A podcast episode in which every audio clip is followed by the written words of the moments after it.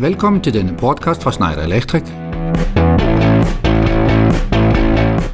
Den første i en serie, hvor vi vil tage diverse emner op inden for elektrisk distribution.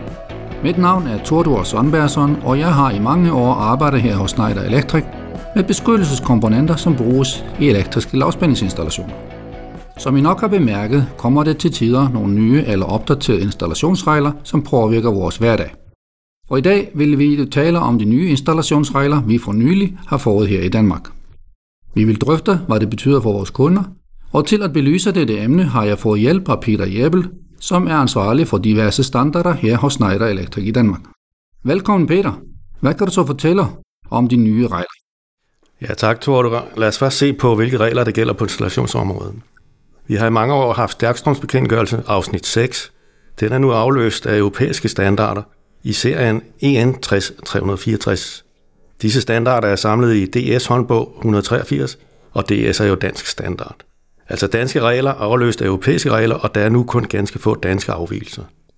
Vi har haft en overgangsperiode på to år, og de nye regler skulle således følges for sommeren 2019. Der efterfølgende kom en ny version af håndbogen i både sommeren 2018 og i sommeren 2019. Vi forventer også en ny udgave i år. De sidste udgaver er primært udvidelser, hvor der kommer flere og flere regler til.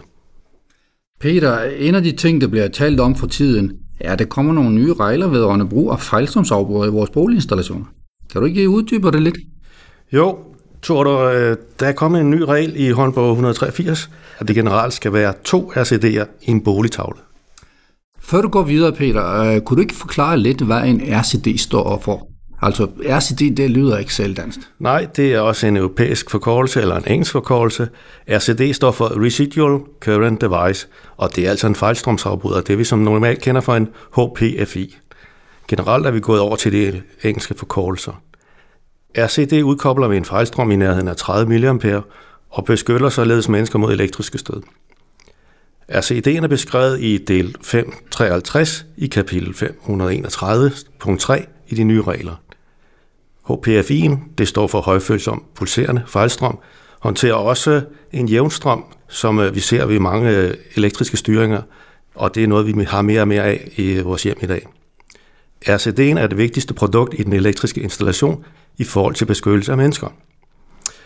Det er også derfor, at vi for en sjældent gang skyld har en regel med tilbagevirkende kraft. Der skal være en RCD i enhver boliginstallation. Peter, før nævnte du, at det fremover skal være to RCD'er i vores tavler. Hvorfor det? Normalt øh, har vi jo kun også med en. Ja, men begrundelsen er meget simpel, og det er, at det er en god idé at opdele lyset på flere grupper, så ikke hele lyset, eller så ikke hele huset bliver mørkelagt, når en fejlstrømsafbrud udkobler. De to RCD'er gør det også lettere at fejlfinde på grund af opdeling af grupperne. De to RCD'er behøver dog ikke at være rene RCD'er. Den ene kan være en kombination af en fejlstrømsafbryder og en automatsikring. En sådan hedder RCBO. Øh, begrænsningen med en RCBO er så, at den kun tager en gruppe, hvor RCD'en kan tage mange. Udover kravet om tilstedeværelsen af en RCD, skal en installation altid udføres efter gældende regler. Det er således ikke nødvendigt at ændre en ældre installation. Hvad er for dig, Peter, det vigtigste ved vores nye installationsregler?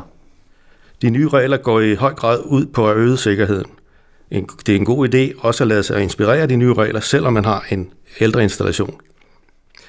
RCD'en har en testknap, så almindelige brugere selv kan foretage en test. Et tryk skaber en kunstig jordfejl, og RCD'en skal så koble ud. Denne test skal normalt foretages mindst en gang om året.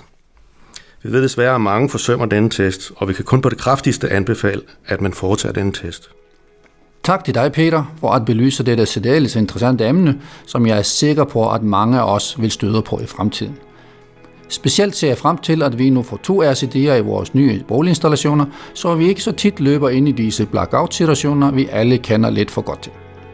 I vores næste podcast vil vi kigge på anvendelsen af SPD'er, men SPD står for Search Protection Device, hvor den danske betegnelse er overspændings- eller transientbeskyttelse.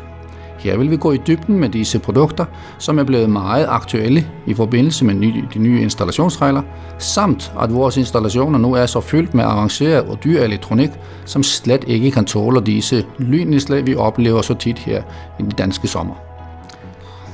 Andre emner, vi påtænker at kigge på i fremtiden er, afskaffelsen af den såkaldte 75%-regel i forbindelse med fremføring af parallelle kabler, og derefter agter vi at kigge på EV-ladere, altså ladere til elektriske biler.